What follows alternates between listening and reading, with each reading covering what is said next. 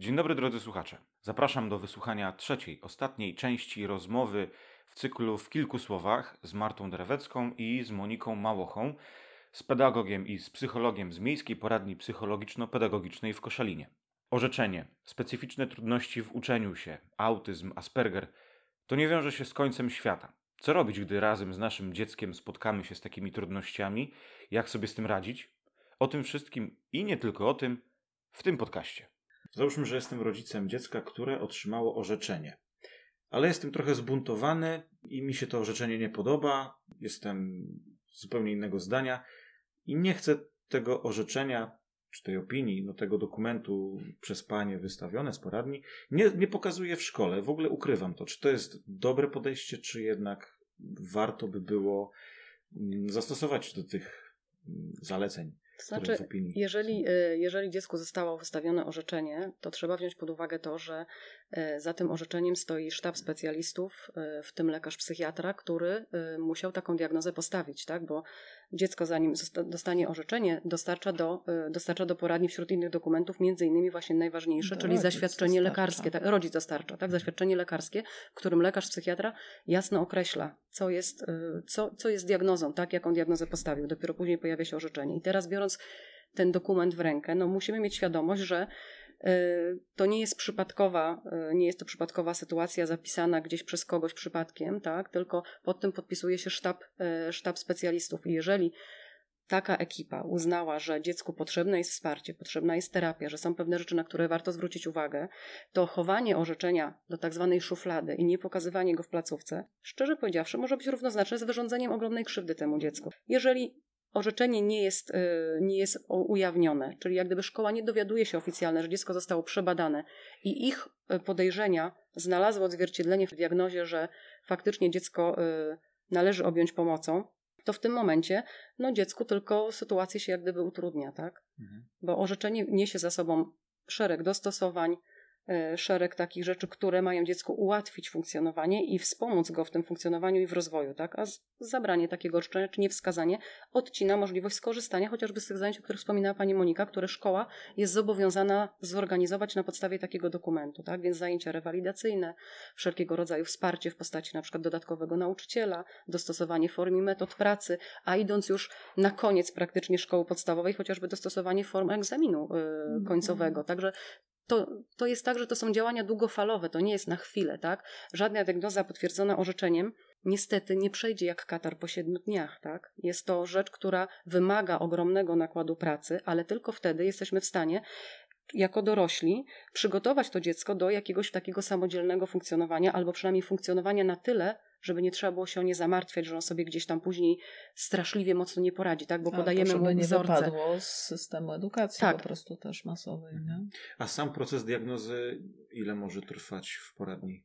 Czy to jest tak, że się przychodzi zależy, na wizytę tak. tak jak do lekarza, aha, tu zbada, dobra, katar, lek czyli zbadamy, zobaczymy, aha, recepta, dziękuję, do widzenia, następny. To też jest, to też jest bardzo, bardzo indywidualne, tak? Na przykład jeżeli chodzi o sam proces rejestracji, w tej chwili nasza poradnia działa w takim systemie, że rejestrujemy na dwa miesiące. Nie wybiegamy jak gdyby daleko, no z racji sytuacji, którą mamy e, obecnie, tak? Nie, staramy się nie zapisywać dalej, zapisujemy na dwa miesiące i wtedy trafia dziecko, rodzic z dzieckiem do e, specjalisty. Trafia najczęściej do pedagoga, gdzie pedagog robi jak gdyby pierwsze rozeznanie. Czyli, czyli jest, pani. No tak, na mhm. przykład trafia do mnie. I jeżeli tak, w pierwszym takim wywiadzie ja już dostaję informacje takie, które mogłyby świadczyć o tym, że coś się dzieje bardzo niepokojącego, tak, to wtedy też już mam gdzieś tam z tyłu głowy rozmyślanie, że y, okej, okay, dziecko na pewno musi trafić dalej i dalej, być może będzie trzeba jeszcze nakierować rodzica już na zapisanie się do psychiatry dziecięcego. Zbieram po prostu informacje, tak? Mhm. Patrzę z jakim dokumentem y, przyszło ze szkoły czy z przedszkola i, y, i próbujemy razem rozmawiać, tak? My generalnie w paradnie robimy zawsze tak, że jak trafiają do nas dzieci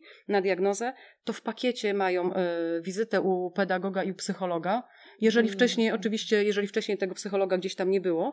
I w przypadku małych dzieci oczywiście obowiązkowo logopeda. Albo dzieci z wadą wymowy, nie? Tak, tak. Logopeda. logopeda, tak? Czyli tak. zawsze taki pakiet jak gdyby specjalistów no jest po prostu niezbędny i konieczny do tego, żeby diagnoza była pełna. I tutaj no... My jakby też poza tymi naszymi badaniami, często rodzice jakby narzekają na rozległość, ale to dlatego, że my mówimy na przykład, że żeby postawić diagnozę specyficznych trudności, tak, musimy mieć zaświadczenie o wzroku i słuchu dziecka i rodzic na przykład nie donosi przez pół roku tych zaświadczeń. Tak, bo takie sytuacje też Ale często potem się mówi, ale poradnia nam nie wydała opinii, ale poradnia mówi, ale my czekamy na zaświadczenia, tak?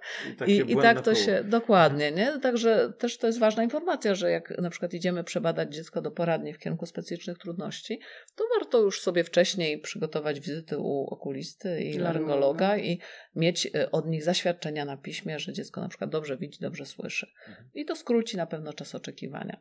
Podobnie jest z orzeczeniami, na przykład to my sami nie możemy sobie stwierdzić y, autyzmu, zdiagnozować, czy zespołu Aspergera, czy afazji. Dziecko jest, rodzic jest wysyłany z dzieckiem do specjalisty albo do neurologa w przypadku afazji, czy innej niepełnosprawności ruchowej. I my też czekamy, na przykład teraz termin czekania y, do specjalisty też jest bardzo długi. Więc my możemy zrobić szybko diagnozę, ale zanim rodzic się doczeka na tą diagnozę lekarską, to to potrwa, więc na przykład orzeczenie będzie też za pół roku dopiero wydane, czyli jak będziemy mieli pełną dokumentację. A jak się otrzyma orzeczenie o ukształceniu specjalnym? Tak, właśnie mhm. o kształceniu specjalnym, czy ze szkoły takiej zwykłej, masowej, regionalnej, rejonowej, nie regionalnej, tylko rejonowej, mamy obowiązek wtedy swoje dziecko zabrać z tej szkoły i na przykład y, zapisać do szkoły z oddziałami integracyjnymi albo do szkoły specjalnej, czy to... Nie. Nie, to jest tak, że my w orzeczeniu przeważnie wskazujemy najlepszą możliwą mhm. formę edukacji dla dziecka, ale ona nie jest wiążąca. Czasem piszemy, że wskazane jest, żeby dziecko zostało w placówce, w której się czuje dobrze. Że na przykład dla dziecka z, ze spektrum autyzmu zmiana szkoły byłaby większym stresem niż to, że jest w szkole, która nie jest integracyjna. Tak? Mhm. To jeszcze chciałam jedną rzecz dodać do tego, co jeżeli rodzic nie zgadza z orzeczeniem. Nie? Mhm. Bo y, znam takie sytuacje też, tak? Po pierwsze jest tak, że to rodzic występuje o to życzenie, czyli on y, składa dokumentację y, całą, y, on przynosi nam zaświadczenie od lekarza z diagnozą, czyli jeżeli nam ją daje, to znaczy, się na nią zgadza. Hmm. Nie? Co nie e, zawsze jest. Co nie zawsze jest. Tak, zgodne z prawdą. Tak. E, I e, we wniosku, który bardzo skomplikowany, już teraz trochę mniej, do zespołu orzekającego u nas o wydanie orzeczenia, podpisuje ileś tam razy, że chce to orzeczenie, że mu na tym zależy. Pisze jakie, pisze ze względu na jego niepełnosprawność, zaznacza nawet, tak? Więc po jego stronie jest ta chęć posiadania orzeczenia. Zresztą pisze nawet, po co mu jest ono potrzebne. Nie? I teraz tak, kiedy to już z paroma rodzicami znajomymi przerabiam, jeżeli dostaję do ręki orzeczenie i się z nim nie zgadzam albo coś nie pasuje, to najlepiej iść do kogoś, kto badał dziecko i sobie po prostu o tym orzeczeniu porozmawiać. Tak. Co to oznacza? Bo bardzo często jest tak, że rodzice Dokładnie. odczytując poszczególne linijki w orzeczeniu, odbierają to jakiego, jakiegoś wielkiego smoka, którego po prostu nie są, w stanie, nie są w stanie ogarnąć rozumem, nie wiedzą z czym to się wiąże. Jak gdyby obraz ich dziecka no, zupełnie zmienia się. I to, co pani Monika tutaj zasugerowała, taka rozmowa jest świetna, bo wtedy specjalista może w bardzo obrazowy sposób przedstawić, co dany zapis jak dany zapis ma się do danego dziecka, tak? Czemu na przykład takie zalecenie jest ważne, albo czemu ta sytuacja, która została gdzieś tam opisana jako trudna, jest taka znacząca, tak? Więc to wtedy też może dać jak gdyby taki jasny obraz i troszeczkę tą rozświetlić, jak gdyby tą ciemną, tą ciemną mgłę, która gdzieś na oczy padła rodzicom, że oni po prostu się wycofują i albo nie chcą go, e, albo nie odbierają tego orzeczenia, no tak. albo się próbują odwoływać gdzieś tam, jeżeli się nie zgadzają, bo mają oczywiście formalnie mają możliwość się odwołać się od orzeczenia, jeżeli się nie tak, zgadzają. się stawiają w roli większych specjalistów od pań. Znaczy nie, no, no jakby tak to, to, jest ich sygnał, że coś ich tam zabolało w tym orzeczeniu, albo mhm. czasem, że się z czymś nie zgadzają, tak? I czasem jest tak, że na przykład, że rodzic na przykład mówi na spotkaniu, że on to nie chce tej terapii logopedycznej, bo dziecko i tak nie ma czasu, bo dajmy na to ma tyle już tych zajęć, że wystarczy, a potem nagle stwierdza, a jednak chce tą terapię logopedyczną i potem przychodzi i, i pisze, prosi o zmianę tego orzeczenia, żeby tam jednak wpisać, nie? Także są takie sytuacje, że trochę się to zmienia ten obraz widzenia, nie? I czasem też co innego rodzic mówi na, na diagnozie, a co innego potem stwierdza po jakimś czasie, albo gdzieś jeszcze zasięgnie języka, albo nauczyciel coś powie, albo koleżanka i już ma inne oczekiwania. A czy sami rodzice potrzebują wtedy, mając dziecko z jakimś zaburzeniem, czy potrzebują jakiejś terapii albo szkoleń dla samych siebie? My zawsze zapisujemy o współpracy ze szkołą i o tym, że rodzicom należy przekazywać też zalecenia do pracy z dzieckiem w domu. Też na pewno warto, jakby dziecko niepełnosprawne jest większym wyzwaniem niż dziecko zdrowe. Na pewno chyba więc no, więcej opieki wymaga, prawda? Też, ale przede wszystkim też większym wyzwaniem wychowawczym, ponieważ przeważnie metody takie standardowe są często nietrafne na przykład. Czyli dajmy na to dziecko z autyzmem w tym wieku, gdzie inne dzieci już rozumieją związek między swoim zachowaniem a jego konsekwencją, dziecko z autyzmem może tego dalej nie wiązać, tak? Czyli na przykład to, że pani w klasie e, powie, a ty dostaniesz jedynkę, bo nie, nie zrobiłeś czegoś tam, tak? Dajmy na to w pierwszej klasie, stanie się, rozpłacze, strasznie skrzywdzona na środku klasy i w ogóle nie połączy, że to dlatego, tak? I takie dziecko wymaga e, porozmawiania, wytłumaczenia i rodzic też to musi wiedzieć, że trzeba potem z tym dzieckiem usiąść, wytłumaczyć, tak? Dlaczego, o co chodzi, że tą pracę domową to trzeba wykonywać, bo e, za jej brak jest jedynka, tak? I że to wynika, dlatego zostało siedynkę, bo nie odrobiłeś pracy, tak? I dla nas to jest oczywiste, a dla dziecka z autyzmem dokładnie, a dla tak, dziecka z autyzmem niekoniecznie. Ale tą pracę, osoby, pracę domową właśnie rodzic też musi sam sobie odrobić, nie? Żeby się właśnie nauczyć swojego dziecka z taką. Tak, tak to, jest, to jest bardzo ważne, żeby, żeby rodzic przede wszystkim zaakceptował diagnozę i przede wszystkim zaakceptował tą diagnozę w odniesieniu do swojego dziecka i dał też możliwość rozwoju temu dziecku, tak? Bo czasami jest tak, że rodzic słyszy e, diagnozę i od razu najczarniejszy scenariusz, jak gdyby widzi, tak? I nie czuje siły wewnętrznej takiej, żeby jakkolwiek oddziaływać na to dziecko, że jednak ma szansę to dziecko no, wyprowadzić na na nieco wyższy poziom, tak, niż, niż, niż, niż takie pozostawione osiągnie, tak, więc to też ważne jest, żeby rodzic zaakceptował i żeby znalazł, mówię, w sobie taką siłę też, chęć do działania, tak, bo czasami to są naprawdę, jak na przykład w przypadku integracji sensorycznej, która jest tak bardzo ważna, a też często y, te dzieci ze spektrum autyzmu mają ją zaburzoną, kiedy na przykład rozmawia się z rodzicami i pytamy się, czy gdzieś diagnozowaliście Państwo, nie, no to namawiamy, że spróbujcie Państwo, może warto, bo tam są też specjaliści, którzy Wam powiedzą, są ćwiczenia do wykonywania w domu, ale jak, ja nie jestem specjalistą, a te ćwiczenia są na zasadzie ćwiczeń zabawowych i potem jak się okazuje, często gęsto rodzice bawiący się na dywanie z takim małym brzdącem, takie ćwiczenia wykonują zupełnie bezwiednie, tak? A tutaj po prostu stałoby naprowadzone na konkretne jakieś tam działanie. Także mhm. chęć działania z tym swoim dzieckiem, no i, no i siła ogromna wewnętrzna, żeby się nie poddawać, tak? Żeby jednak mhm. działać. Chciałem z taką nadzieją zakończyć naszą rozmowę, no bo nie jest tak, że dziecko, czy dorosły później, jak już to dziecko urośnie, e, ze spektrum autyzmu, bo na tym się skupiliśmy, nie jest tak, że ten człowiek przegra życie. Nie jest tak prawda? Ci ludzie radzą sobie świetnie. I często my, którzy sami siebie tak stereotypowo i skrótem myślowym nazywamy, nazywamy zdrowi, e, nie mamy świadomości, że w ogóle, że w naszych kręgach są takie osoby. Ale te osoby mają ponoć e, bardzo ukierunkowane umiejętności, zdolności. Czy to prawda? Czy tak naprawdę jest? Znaczy, jakieś takie ja specyficzne, tak. jakieś koniki. Najpierw bym e, odczarowała jedną rzecz, to znaczy wśród osób z spektrum autyzmu e, zdolności rozkładają się tak jak w normalnej populacji. Mhm. Tak? Czyli tak samo są osoby bardzo zdolne, są osoby przeciętne i są osoby z e, obniżonymi możliwościami intelektualnymi. Mm, I y, ja, jako mama dzieci spektrum, nie lubię patrzenia na autyzm pod kątem, w ogóle na niepełnosprawność pod kątem, no może niepełnosprawny, ale jak liczy na przykład. No, czyli takie, mhm. to jest, można powiedzieć, taka forma zasługiwania na bycie w społeczeństwie. Tak, yy, niepełnosprawny ma prawo być w społeczeństwie, bo coś wnosi, jakąś ma wartość. człowieka to jest przede wszystkim. Dokładnie i to wystarczy, nie musi mieć żadnych wyjątkowych zdolności. Natomiast rzeczywiście jakby profil trudności tych autystycznych sprzyja temu, yy, że człowiek jest bardzo szczegółowy, potrafi zapamiętywać bardzo dużo, Oczywiście, jeżeli jego intelekt i inne zmysły tak, są sprawne, bo może być tak, że właśnie są to niepełnosprawności sprzężone, tak, i na przykład jest jeszcze słabowidzący, tak, oprócz tego, że, że ma autyzm. Natomiast y, to, co jakby wyróżnia osoby ze spektrum, to właśnie to, że nie umieją dzielić informacji na istotne, nieistotne. I czasem jest tak, że naprawdę zapamiętają dokładnie wszystko. Nie? Czyli to jest jak mapowanie terenu, mapowanie sytuacji. I jeżeli potrafią to przekuć na swój sukces, tak, to może być to umiejętność przydatna. Oczywiście jest to też umiejętność, znaczy cecha przeciążająca, czyli układ nerwowy, który nie umie wybierać istotnej informacji, tylko po prostu jest zaatakowany dokładnie wszystkim, bardzo szybko ulega przeciążeniu. Więc to są takie osoby, które potrzebują wsparcia.